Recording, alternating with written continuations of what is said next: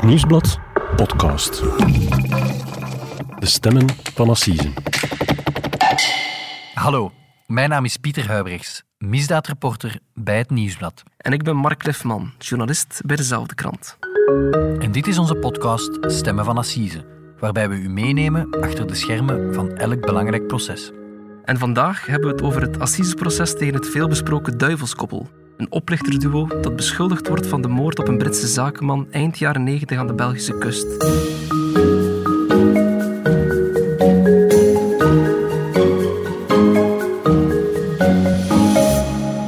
Dag Mark. Dag Pieter.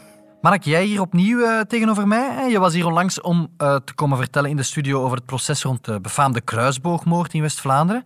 Een dader die een, een relatief milde straf kreeg, 18 jaar, voor de moord op zijn liefdesrivaal. Maar deze week start in Brugge opnieuw een bijzonder proces. Ja, klopt. Een, eh, een zaak die jij ook zeer goed kent, eh, ook al veel over geschreven in het verleden. Eh, dus het assiseproces eh, ja, rond het zogenoemde duivelskoppel. Hilde van Akker en Jean-Claude Lacote. Veel mensen zullen die namen wel kennen ondertussen. Zeker sinds november 2019, eh, toen ze na een vlucht van 23 jaar gearresteerd werden in het Ivoriaanse Abidjan. Het moordenaarskoppel Hilde van Akker en Jean-Claude Lacote is opgepakt in Abidjan, de hoofdstad van Ivoorkust. Het koppel is al sinds 1996 op de vlucht na de moord op een Britse zakenman in De Haan. Ze werden daarvoor in Brugge veroordeeld tot levenslang. Hilde van Akker kwam recent nog in het nieuws toen ze op de Most Wanted-lijst kwam te staan. Met vooral vrouwelijke criminelen die op de vlucht zijn. Het parket zal nu de uitlevering vragen aan Ivoorkust van de twee.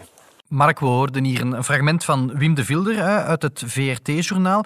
Kort na hun arrestatie in Abidjan in november 2019.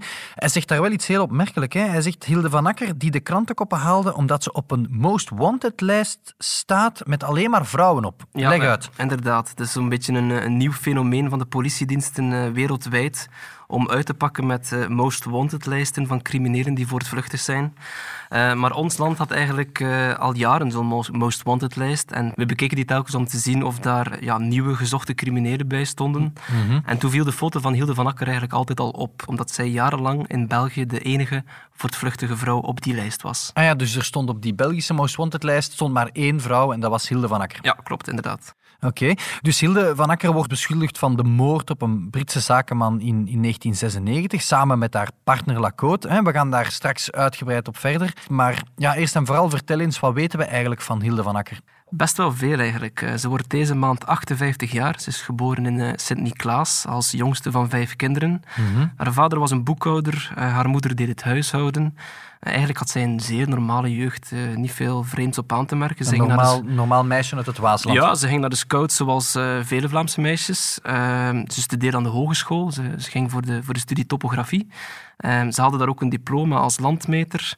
Ehm, in, in de jaren tachtig trouwde ze met een bioloog. Ehm, ze heeft dan een poosje gewerkt, maar echt lang heeft ze volgens mij nooit gewerkt. Oké, en dus we zitten hier in de periode voor er sprake is van Jean-Claude Lacote. En ik heb gelezen dat ze dan met haar bioloog verhuisd is naar de andere kant van de wereld, naar Madagaskar. Ja, effectief. En het is ook daar in Madagaskar dat ze Lacote heeft leren kennen.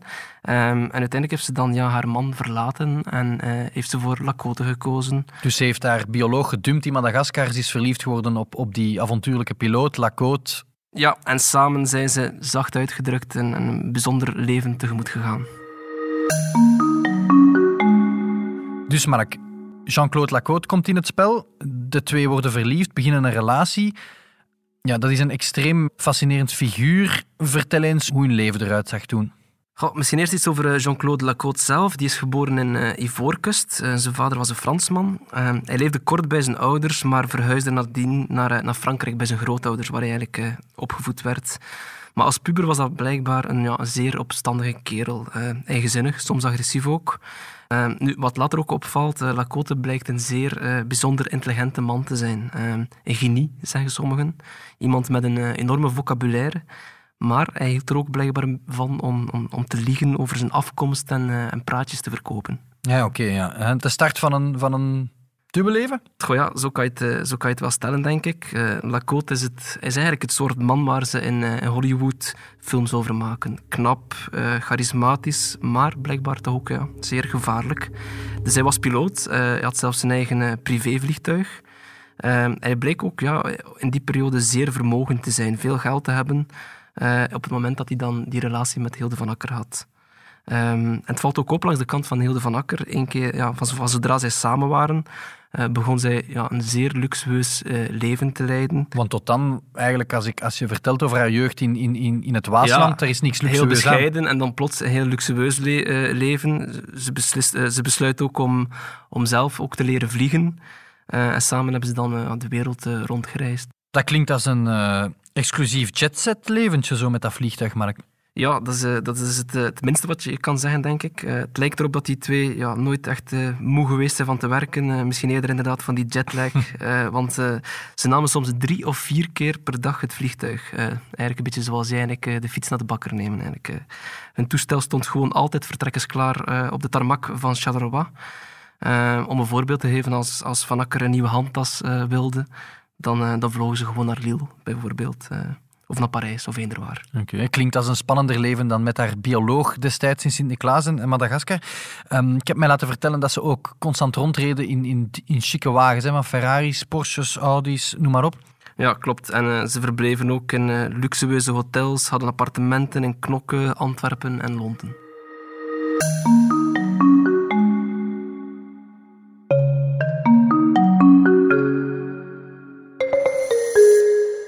Mark, ik hoor hier waanzinnige verhalen van hè, met, de, met de Cessna de wereld rondvliegen, gaan shoppen in Parijs, gaan shoppen in Lille, vier keer per dag het vliegtuig nemen. Dan stel ik mij de vraag van waar in godsnaam kwam dat geld? Wel ja, blijkbaar hebben ze dus uh, jarenlang mensen uh, zitten oplichten. Um, Lacote en Van Akker hebben volgens het, volgens het gerecht uh, doorheen die jaren een kapitaal van een slordige 5 miljoen euro losgepeuterd bij andere mensen. hoe deden ze dat dan concreet?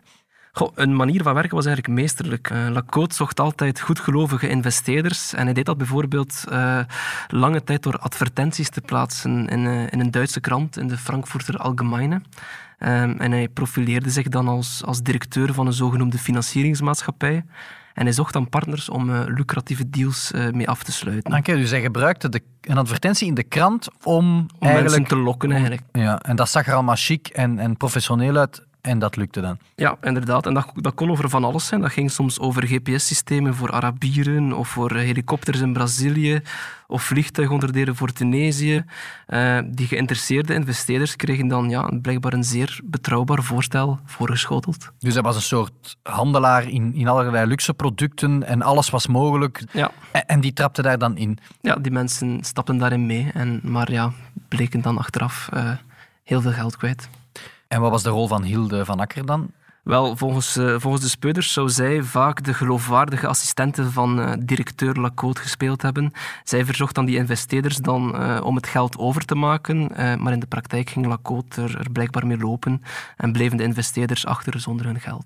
Ja, dus zij was zo'n beetje de, de knappe blondine die vooruitgestuurd werd door Lacote en die de investeerders moest overtuigen. Ja, de assistenten, ja, inderdaad. Ja.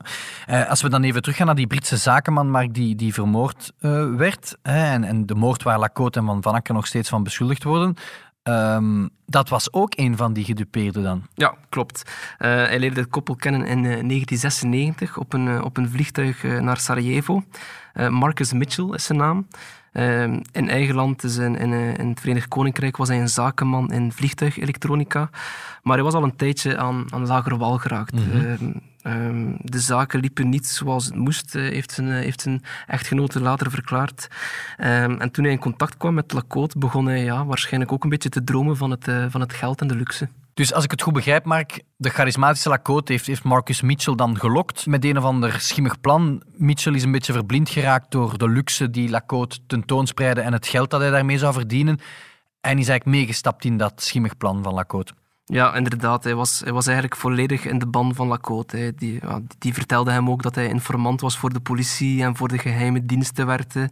En uh, ja, ik kreeg Marcus Mitchell blijkbaar zover uh, om bij twee vrienden van hem een, een slordige ja, 277.000 euro te lenen.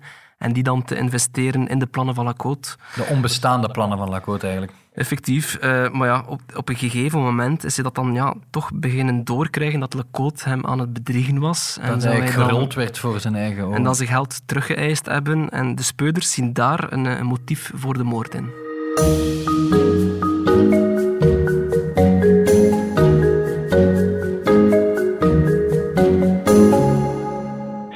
Waren op uh, zeeklassen.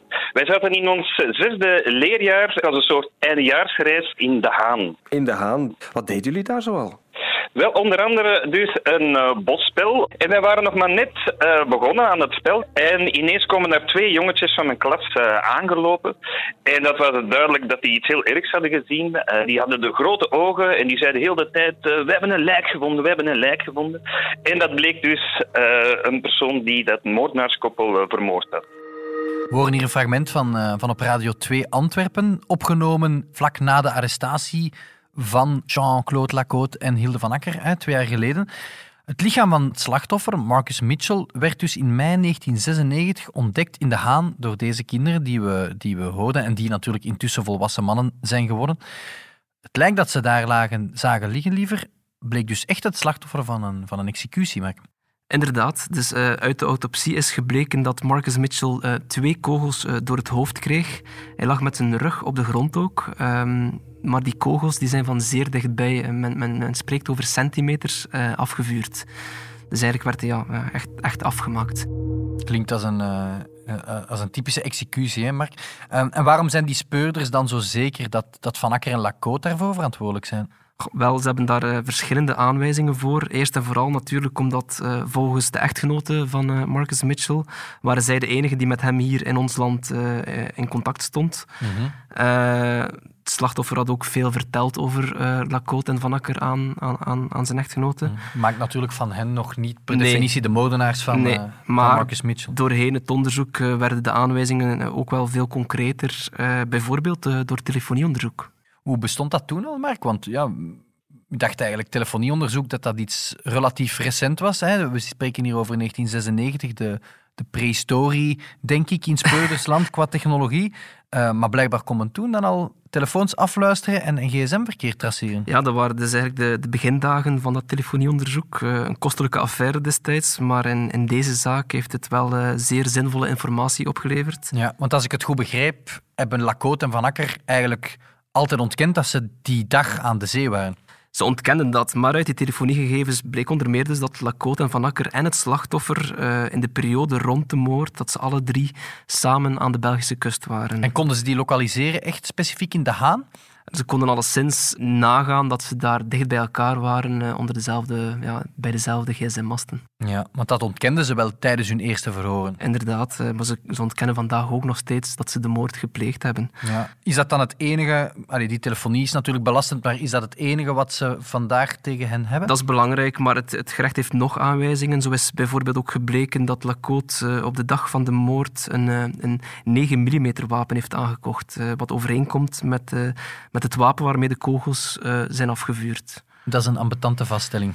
Dat is een ambetante vaststelling. Uh, daarnaast ook opmerkelijk, uh, onderzoek bracht ook aan het licht dat Van Akker en Lacote uh, enkele dagen na de moord een, een, ferry hebben genomen naar een plek in Engeland, mm -hmm. waar in de buurt op het strand ja, een, een, afgesloten zakje is aangespoeld, waarin de persoonlijke spulletjes en de identiteitsdocumenten van Marcus Mitchell uh, staken. Ja, ja, dus de these van de Brugse speurders is, ze zijn dat na de moord gevlucht naar Engeland op een ferry. Op een ferry uh, en dat ze dat dan, die, die, die persoonlijke spulletjes in het water hebben gegooid. Ja, dat, dat klinkt als, als zeer stevige aanwijzingen tegen, tegen het koppel. De vraag is natuurlijk, ja, zal, het, zal het volstaan om hen te veroordelen voor moord? Um, want wat ik mij dan ook nog afvraag is van, ja, wat is de specifieke rol van Hilde van Akker in dit verhaal dan? Wel, zij wordt er door de speuders op zijn minst van beschuldigd uh, dat, ze, dat zij het slachtoffer die bewuste dag uh, zou meegelokt hebben. Uh, naar de duinen Naar de plek in de Haan. Maar nogmaals, zij ontkent dus nadrukkelijk dat ze iets met de moord te maken heeft.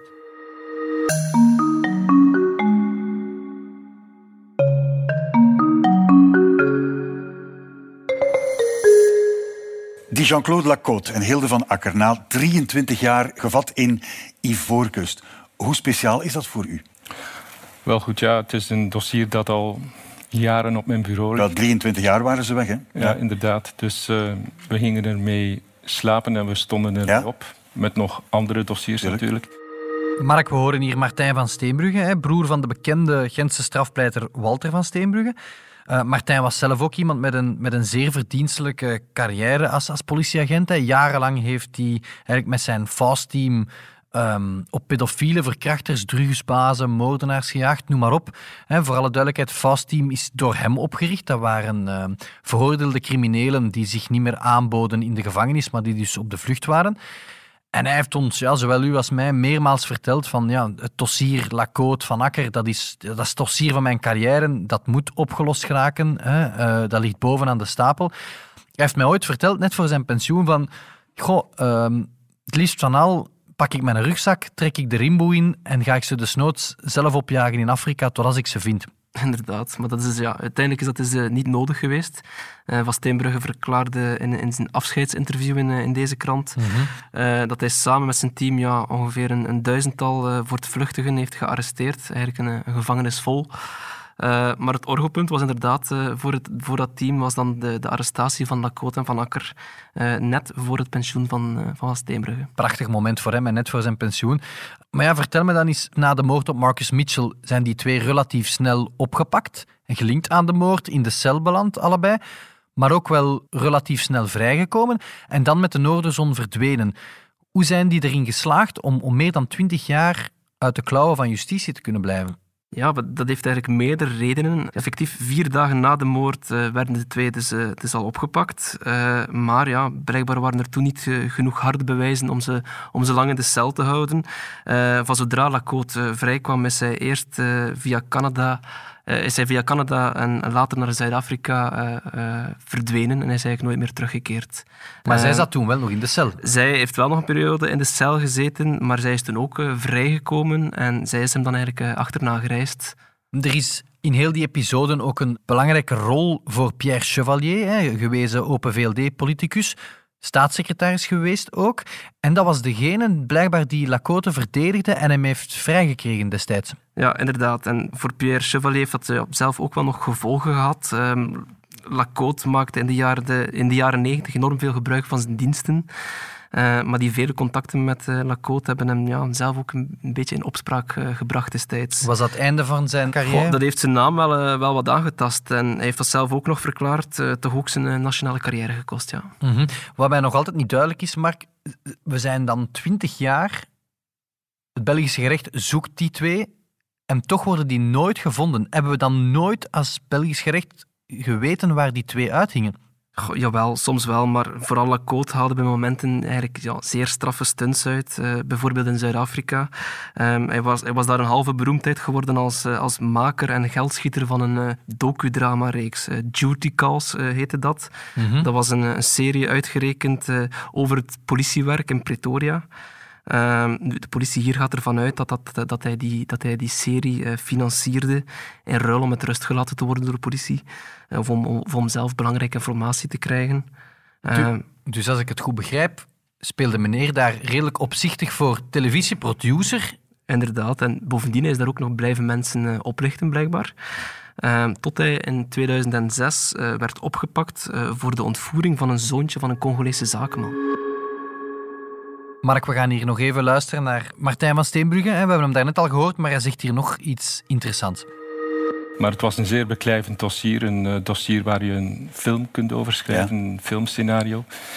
Um, Lacote, die uh, de zwaarste oplichter is wereldwijd, die dan in de gevangenis terechtgekomen is in Zuid-Afrika, Johannesburg, de streng bewaakte gevangenis. Ja. En die dan door uh, Hilde van Akker zelf... Spectaculair bevrijd is geweest, ja, Echt op een... ja, heel uh, ja. speciale manier. Je moet het maar doen, zou ik zeggen. Ja, dat was een, een zeer merkwaardige situatie. Hè. We spreken over 2008 en toen Hilde van Akker is er dan blijkbaar in geslaagd om Lacote te, be, te bevrijden uit de gevangenis. Um, daar wil ik alles over weten. en wel, zij gaf zich uh, in de gevangenis van Johannesburg uit voor een uh, agente. En ze had toen een, uh, een brief mee van de onderzoeksrechter blijkbaar. Ehm, en ze, ze, ze, gaf die aan de cipiers. En ze zei van ja, ik moet Lacote meenemen uh, voor een ondervraging. En die cipier die, die zei, cipier hier is Lacote. Ja, die cipier zou daar blijkbaar over getwijfeld hebben. Uh, zou, er, zou er een telefoon voor gedaan hebben. Maar blijkbaar was er iemand aan de andere kant van de telefoon die zei van ja, dat klopt, uh, laat hem maar gaan. Maar dat bleek dan ook een medeplichtige van het, van het koppel te zijn. En zo zijn ze er dus samen in geslaagd uh, om als nepagenten uh, ja, buiten te stappen uit de, uit de gevangenis. Um, en zijn ze weggereden met Lacote op de achterbank. Mm -hmm. En dat was dus ook met Van Akker die mee de speelfiguur was in die ontsnapping? Ja, daar gaan ze toch allemaal van uit, ja.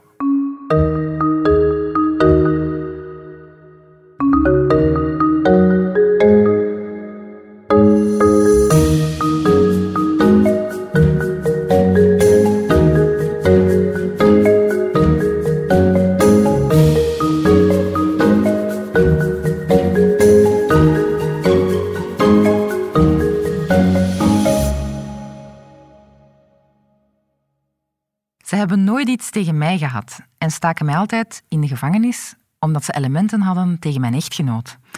Toen ik vrijkwam onder voorwaarden, mocht ik niet reizen. Die voorwaarden werden in principe om de drie maanden verlengd, maar ze vergaten het tijdig te doen. En ja, toen was ik vrij. We zijn toen naar Afrika getrokken. Eerst naar Zuid-Afrika. Mark, we hoorden hier net een zeer bijzonder fragment collega van ons heeft het voorgelezen, omdat we de, de specifieke fragmenten helaas niet mogen afspelen. Maar ze komen uit het vierprogramma Ooit Vrij. Was bijzonder straffe televisie, want zij konden Hilde van Akker eigenlijk van pal na haar uitlevering in de gevangenis volgen en konden haar ook voor het eerst uh, spreken binnen de gevangenis opvallend. Uh, wie een schuldbekentenis had verwacht, ja, die komt bedrogen uit. Integendeel. Uh, maar het was wel heel opmerkelijk toch, wat ze daar allemaal te vertellen had. Ja, absoluut. Um, volgens Hilde van Akker wist de Belgische en de Ivoriaanse regering al die tijd perfect waar ze zaten. Um, volgens haar verhaal uh, woonden ze al een, ja, jaar of twaalf in Abidjan, uh, maar nooit was er interesse om hen te halen, zegt ze. Maar plots werd ik een van werelds meest gezochte vrouwen en bleek dat ze ons hier eigenlijk al een week of twee zaten te, te schaduwen.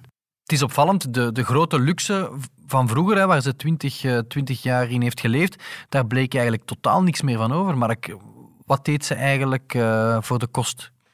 Wel, Hilde van Akker vertelt dat ze ja, een vijftal jobs deed uh, om, ja, om, om, de, om de opvoeding van de dochtertje te, te kunnen voorzien. Uh, ze werkte daar in een strandbar, in een cocktailbar, ze kuiste, zegt ze. Uh, nu, uh, de relatie met Lacote was daar eigenlijk ook al ondertussen afgelopen, zegt ze. Ah ja, oké, maar ze hadden wel samen een dochtertje. Ze hadden wel samen een dochtertje. sinds hun arrestatie woont dat dochtertje in Parijs bij een familielid van de twee. Dat vond ik zelf een, een, wel een aangrijpend moment in die uitzending. Maar als het over haar dochtertje gaat, je ziet ook dat ze dan heel emotioneel wordt. Dat ze vertelt dat ze die ochtend van haar arrestatie naar haar werk ging, dat haar dochtertje naar school vertrok. En dat ze eigenlijk sinds die dag, we spreken nu over november 2019, haar niet meer gezien heeft. Nee, klopt. En dat zal voor Hilde van Akker toch de inzet van, de, van het assiseproces zijn deze week. Zij wil terug verzoend worden met haar tienerdochter. Dat is het enige wat haar nog recht houdt. Dat is het enige wat haar recht houdt. Eh, maar goed, dat zal, eh, dat zal van het proces afhangen. Ja, want niet vergeten, zij heeft al eens een uh, assiseproces gehad, samen met Lacote. In 2011 zijn ze bij verstek allebei veroordeeld tot levenslang. Dus ja, het enige wat zij hoopt is onder die levenslang uit te komen. Ja, maar destijds, ja, we spreken over tien jaar geleden, eh, toen heeft de jury geoordeeld dat er dus wel voldoende bewijzen van schuld waren uh, ten opzichte van alle twee dat ze de moord gepleegd hebben op uh, Marcus Mitchell. Het was ook natuurlijk geen goed idee om niet op te dagen Wel, ze zaten natuurlijk aan de andere kant van de wereld op dat moment, maar het is de vraag of de nieuw verkozen jury daar, daar deze week ook zo over denkt. de advocaten van Lacote en Van, en, en van Akker maakten alvast tijdens een eerste zitting duidelijk dat ze zich niet zomaar naar de slagbank zullen leiden. ze, gaan voor, ze gaan er volledig voor om een gevangenisstraf te ontlopen. Als ik het goed begrijp, gaan zij vol voor de, voor de vrijspraak. Dat zal nog, nog moeten blijken. Uh, laat ons even luisteren ook naar wat Hilde van Akker daar zelf over te vertellen heeft. Want tijdens dat interview met Ooit Vrij ja, geeft ze toch aan vooral heel angstig te zijn in de aanloop naar dat proces. Angstwekkend. Het is zoals ze in Afrika zeggen: c'est dans les mains de Dieu. Het is nu in de handen van God. Ik ben bang over wat iedereen over mij te vertellen heeft. Ik wil er niet aan denken. Opvallend ook, Mark, in, die uitzending is dat ze zegt van, dat eigenlijk al haar medegedetineerden iets wat teleurgesteld reageren als ze haar zien. Zo van, oh, zeg jij dat duivels, madammeken, waar iedereen op de tv het over heeft. En het is ook, ja, bij mij kwam ze eerder broos en gebroken over, Mark. Ja, wel, we hebben uh, de voorbije jaren meerdere Hilde van Akkers gezien. Hè. Uh, je hebt bijvoorbeeld ook die, die, die, die fameuze foto na de arrestatie. Hè. Dat was het een beetje een iconisch beeld. In november 2019 in Abidjan, als ze daar naast elkaar uh, ten tonelen Ja, klopt. Hilde van Akker die zag er toen ja, wat vrij uit. ze was toen ja, herstellende van, van borstkanker, had ook lange tijd daar blijkbaar geen, uh, geen behandeling gekregen. Uh, mm, dat wisten we nog niet toen we die foto zagen. Hè? Nee, dat wisten we toen nog niet. Van Lacote, ja, die, die droeg dan op dat moment een, ja, een beetje een afgewassen blauw t-shirt. Niet de luxueuze, niet de zakenman. luxueuze zakenman van, van, van Weleer, zoals hem, ja, zoals hem toen kenden. ik ben deze week naar de samenstelling van de jury geweest en daar zagen ze er weer helemaal anders uit. bijvoorbeeld Hilde van Akker was toen opgekleed in een jurk, had, had een, een, een bos krullen is ze eh, genezen eigenlijk? God, we hebben toen eh, in, in, de uitzending van Ooit Vrij, toen, toen was in ieder geval te zien dat ze, dat ze, dat ze hoopvol nieuws kreeg van de artsen. Ehm, en deze week zag ze, er ook, uh, zag ze er ook beter uit. Ze zag er een beetje uit als een lieve oma. Um, Lacote, die zag er ook helemaal anders uit. Die was, uh, die was gekleed in een, in een mooi maatpak en, en een brilletje. Het verdict kennen we over anderhalve weken. Het is een assiseproces dat iets langer in beslag zal nemen dan een normaal assiseproces. Vertel ons, wie zijn de advocaten die uh, Lacote en Van Akker gaan verdedigen? Wel, voor uh, Lacote is dat Bram Kazier en Philippe de Reuze. Vooral die laatste kennen we nog. Uh, hij was onder meer de advocaat van Ivo Poppe. Uh, je weet nog wel, de, de diaken des doods werd die man genoemd. werd tot 27 jaar opsluiting veroordeeld voor de moorden op zijn moeder, schoonvader, twee grootooms en een patiënte. Um, en voor Hilde van Akker uh, treedt de West-Vlaamse assisepleiter Chris Vinke op. Uh, er zijn nog zekerheden. Er zijn nog zekerheden. We hebben tijdens de vorige podcast ook al uh, vermeld dat hij alomtegenwoordig is in Assisen, zeker in West-Vlaanderen. Dus ook de komende processen zullen we hem daar nog te zien krijgen. Mark, jij gaat voor ons naar West-Vlaanderen om het assiseproces te volgen. Absoluut. Ja, bedankt om uh, bij ons in de studio te zitten. Succes gewenst. En wij zijn er uh, volgende week opnieuw met een nieuwe aflevering van Stemmen van Assise. Dit was Stemmen van Assise, een podcast van het Nieuwsblad. De presentatie was in handen van Mark Cliffman en mezelf, Pieter Huibrechts. Voor de fragmenten gaat onze dank uit naar Radio 2 en de VRT. De audioproductie was in handen van Pieter Schrevens van House of Media. Productie werd in goede banen geleid door Bert Heijvaart en Eva Migon.